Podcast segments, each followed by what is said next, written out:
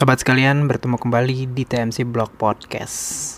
Di podcast kali ini, uh, kita akan bicara uh, hal-hal yang cukup hot ya di sekitaran race weekend uh, World Superbike seri Magny Course. Gimana ya bacanya Magny Course gitu di Prancis gitu ya? Karena biasanya bahasa Prancis itu agak kesengau dikit. Nah, namun kita nggak akan bicara soal race weekendnya di World Superbike Magny Course di Prancis ini. Cuman kita mau akan membahas tentang apa yang terjadi ya, apa yang terjadi, uh, dinamika apa yang terjadi di Ducati, World SBK ya pastinya, Duka. Walaupun mungkin nanti kita akan bicara hubungannya dengan uh, Ducati di MotoGP. Kenapa? Karena walaupun jadi uh, karena di World Superbike dan di uh, MotoGP Ducati itu uh, berjalan di satu payung yang sama yaitu Ducati Course ya ya merupakan sebuah perusahaan atau sebuah divisi balapnya Ducati. Nah judul dari uh, apa namanya uh, podcast uh, TMC Blog kali ini adalah Man Management Disaster. Wah serem tuh Man Management Disaster. Uh, ungkapan ini uh, saya tukil ya. Boleh bilang saya kopas dari dari artikel yang pernah ditulis oleh Matt Oxley ya. Jadi saya kembangkan sendiri. Uh, um, me mencoba merefleksikan dengan apa yang terjadi di World Superbike saat-saat ini. Jadi man management disasternya Ducati apakah juga terlihat di uh, World Superbike? Ya terutama di akhir World Superbike 2019 ini. Nah jika kita ingat ya uh, kisah uh, Matt Oxley mengenai uh, Ducati Man Management Disaster uh, di World Superbike, White itu hadir ketika ada masalah tentang kontrak Jack Miller yang dikaitkan dengan Jorge Lorenzo. Nah, kala itu Jack Miller tuh boleh dibilang kesel banget gitu ya ya gitu. Sampai dia mengungkapkan beberapa kata-kata di saat uh, brief debrief uh, apa namanya itu interview debrief sebelum race weekend. Karena pada dasarnya dia tuh sedang ngarep-ngarepnya gitu ya. Soal don dan deal apa namanya deal deal akhir perpanjangan kontraknya dia dengan Ducati. Namun ternyata itu jadi terkesan digantung waktu itu Jack Miller. Nah, pada saat dia menunggu-nunggu soal mm, fixnya deal perpanjangan kontrak dengan Ducati, tiba-tiba uh, ada rumor ya yang tapi rumornya ini di, di disampaikan oleh orang yang boleh bilang cukup terpandang di di pedok MotoGP ya, uh, gitu. Ya itu ya tebak sendiri lah. Clue-nya dia adalah agennya dari pembalap Andrea Iannone. Nah, jadi uh, rumornya kali itu adalah agensi dari Jorge Lorenzo itu sempat kedapatan bicara dengan manajemen Ducati yang sinyalemennya adalah untuk memperoleh satu seat Ducati 2020 untuk Jorge Lorenzo yang memang sedang struggle kali ini. Nah, dengan mengorbankan seat pembalap yang paling mungkin saat itu, yaitu Jack Miller. Walaupun akhirnya saat ini kita tahu bahwa Jack Miller akhirnya tetap bersama Ducati dan Lorenzo berlanjutnya dengan Honda dengan HRC. Namun jelas bisa bisa jadi kesan ini membekas di dalam ingatannya Jack Miller dan bisa jadi ini akan membuatnya membuat Jack Miller tuh hati-hati ke depan karena bukan jaminan gaya-gaya manajemen SDM ala mafioso-nya Ducati ini bisa hadir di masa-masa yang akan mendatang. Nah, balik ke cerita tentang World Superbike Magny Course uh, Prancis 2019. Seperti kita ketahui, akhirnya Honda Racing Corporation HRC akhirnya mengumumkan secara resmi tahun 2020 Alvaro Bautista akan merapat bersamanya bersama mereka. Bautista akan berada di tim factory yang rencana akan jauh lebih berasa factory bila dibandingkan dengan Red Bull Honda tahun 2019 ini gitu. Jadi ada rider baru gitu ya. Tentunya Alvaro Bautista yang akan bertandem dengan Takumi Takahashi.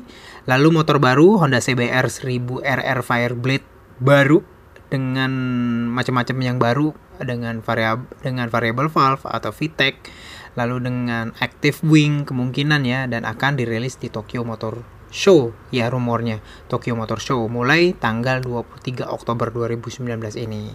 Dan juga manajemennya pun akan baru yang rumor-rumornya sinyalemennya akan mengemulasi manajemen HRC di MotoGP yang terkenal dengan Repsol Hondanya. Saya rasa uh, dengan setelah uh, eh, HRC mengumumkan kepastian Alvaro Bautista, saya kira keadaan di Magny Course ya akan kondusif ya karena paling enggak rumor panasnya udah udah udah udah ketemu tuh apa namanya cerita sesungguhnya bahwa akhirnya Bautista uh, pindah ke Honda walaupun Bautista sendiri pun tinggal harusnya sih tinggal fokus balap sih di sisa race musim ini bersama Ducati dan tentunya dia bertekad memberikan hal terbaik yang bisa ia lakukan di masa bakti terakhirnya bersama Ducati. Walaupun tentu udah pasti nih Ducati akan mulai menutup rapat informasi 2020, segala informasi 2020 kepada pembalap Spanyol ini. Namun ternyata enggak sob. Jadi jelang hari pertama World SBK Tours pun keadaan ini tuh tetap masih panas gitu ya.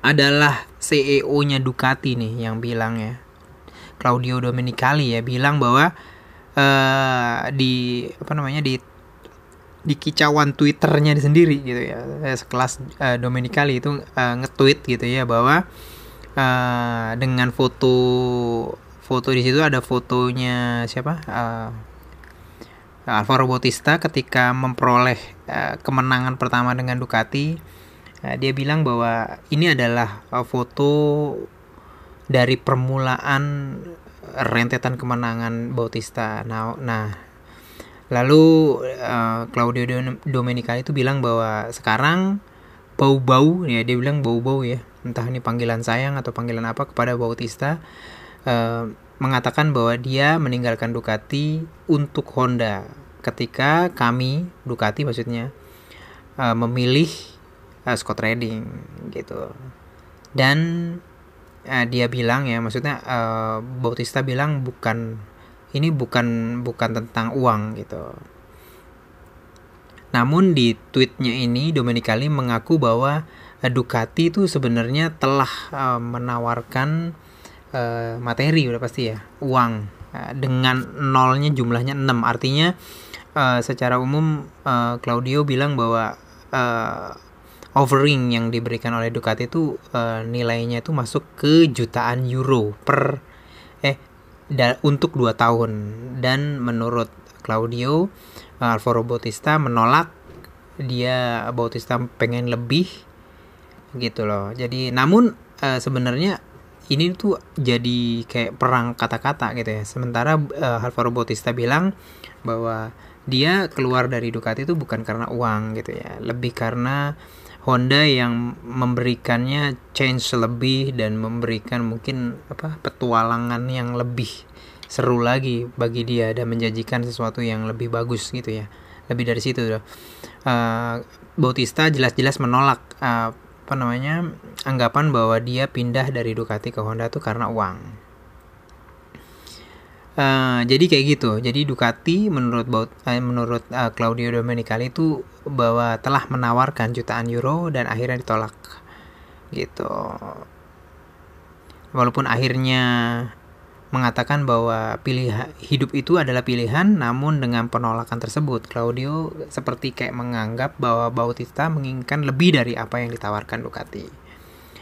By the way, sob, uh, kicauan uh, Domenicali ini sebenarnya disinyalir kuat merupakan respon terhadap apa yang telah diutarakan sehari sebelumnya oleh Alvaro Bautista ketika diwawancara GP1. Ketika itu, Bautista menjelaskan bahwa ia bukannya traitor atau dia bukan pengkhianat. Dia akan terus berjuang untuk Ducati di sisa pertandingan yang ada.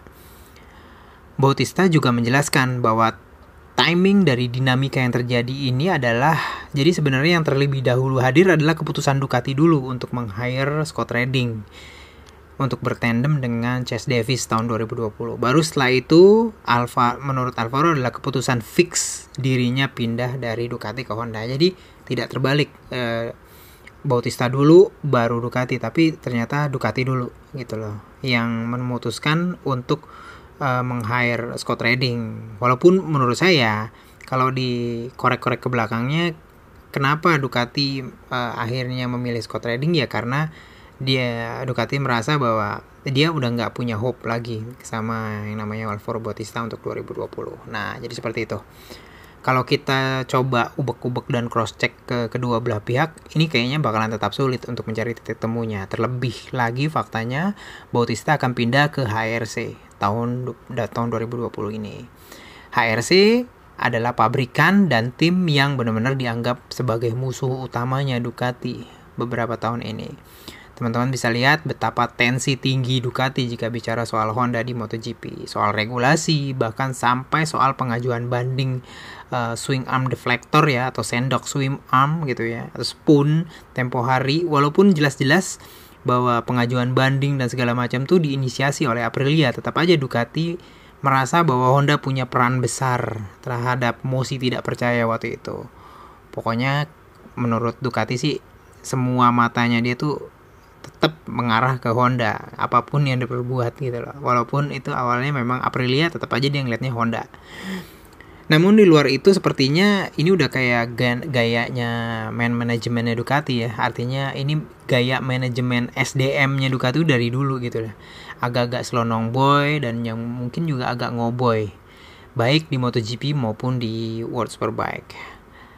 Nah menurut saya sih untuk sekelas Claudio Domenicali yang pangkatnya tuh udah CEO. CEO tuh artinya udah tinggi banget ya, Chief Executive Officer gitu ya, big boss banget gitu ya. Dia tuh sebenarnya udah bukannya representasi dari tim, representasi dari Ducati Course, tapi sebenarnya dia udah udah representasi band, band up brand ya maksudnya ya, merek gitu ya. Jadi kayaknya nggak perlu harus segitunya bikin statement di Twitter yang berkesan nyinyirable gitu lah.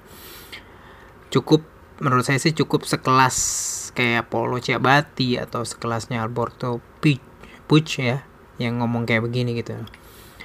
Menurut saya juga faktor pembalap tuh tetap harus diselesaikan dengan sentuhan yang personal. Jadi karena apa? Karena e, bagi biar bagaimanapun pembalap adalah manusia yang butuh dianggap penting gitu loh.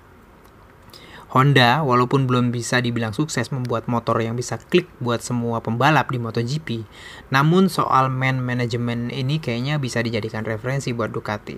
Entah mau apa enggak ya, karena seperti kita ketahui bahwa Ducati itu kayaknya yang musuh banget kalau ngeliatnya Honda gitu. Lihat bagaimana Mark Marquez merasa jadi orang yang banget banget dianggap penting oleh Honda ya atau HRC.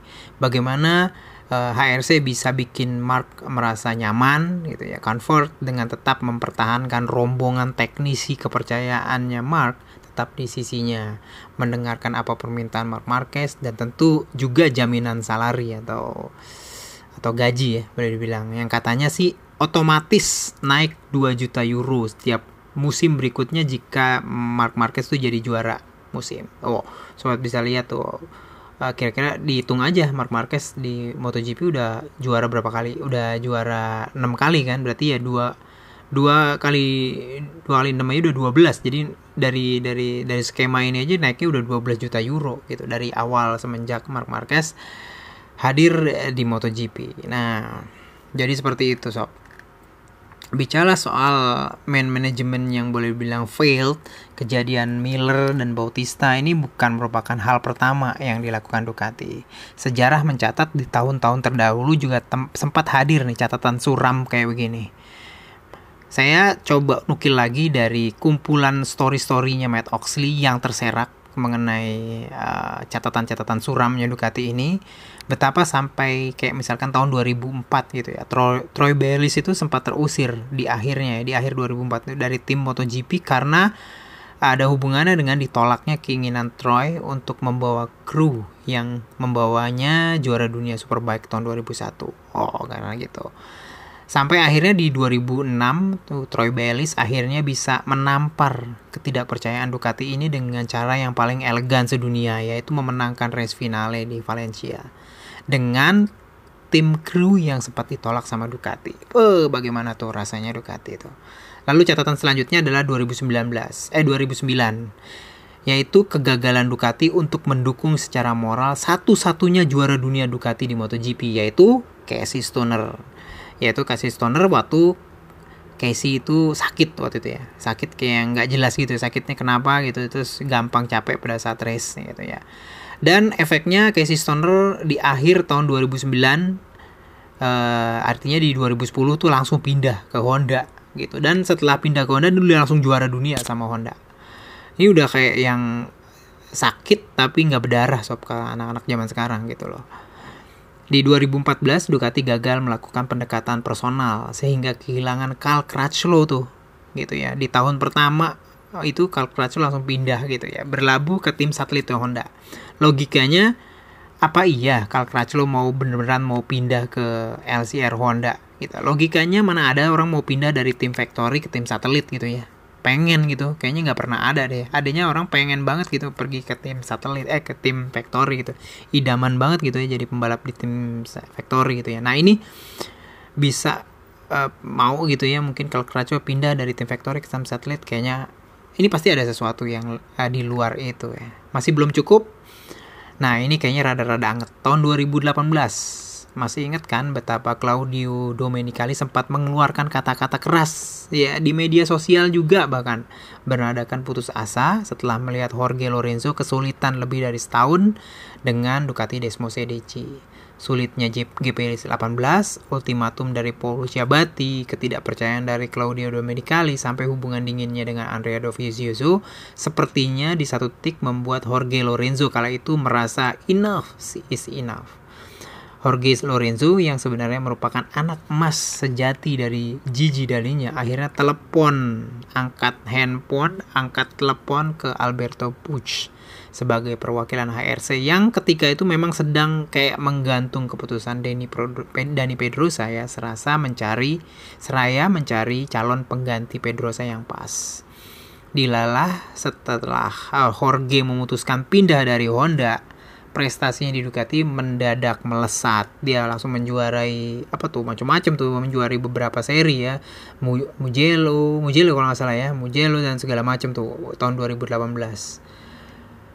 gitu. Jadi uh, menangani sumber daya manusia itu memang sebenarnya itu punya seni tersendiri. Dan kadang nggak ada rumus atau resep eksaknya gitu jadi nggak ada yang pastinya gitu ya. Karena kita tahu bahwa masing-masing orang punya karakter yang berbeda dan karakter yang berbeda ini butuh penanganan yang berbeda pula nah kalau begini terus kayaknya sulit nih buat Ducati untuk memperoleh paket terbaik ya paket terbaik dan paket juara ke depannya. Paket terbaik artinya ya main, machine, system. Susah untuk bisa dapetin tiga ini. Kalau misalkan gaya Ducati masih kayak Slonong Boy, terus beberapa kayak feel feel kayak gini gitu ya. Yang kayaknya harusnya sih sesuatu yang nggak perlu-perlu banget dilakukan oleh Ducati. Itu aja uh, podcast opini saya gitu ya jelang uh, World Superbike uh, Magni Course di Prancis uh, berbasiskan apa yang terjadi antara Ducati dengan Alvaro Bautista. Semoga bisa uh, memberikan apa namanya manfaat dan juga memberikan inspirasi kepada sobat-sobat sekalian. Itu aja. Sampai bertemu sampai berjumpa di podcast selanjutnya. Assalamualaikum warahmatullahi wabarakatuh.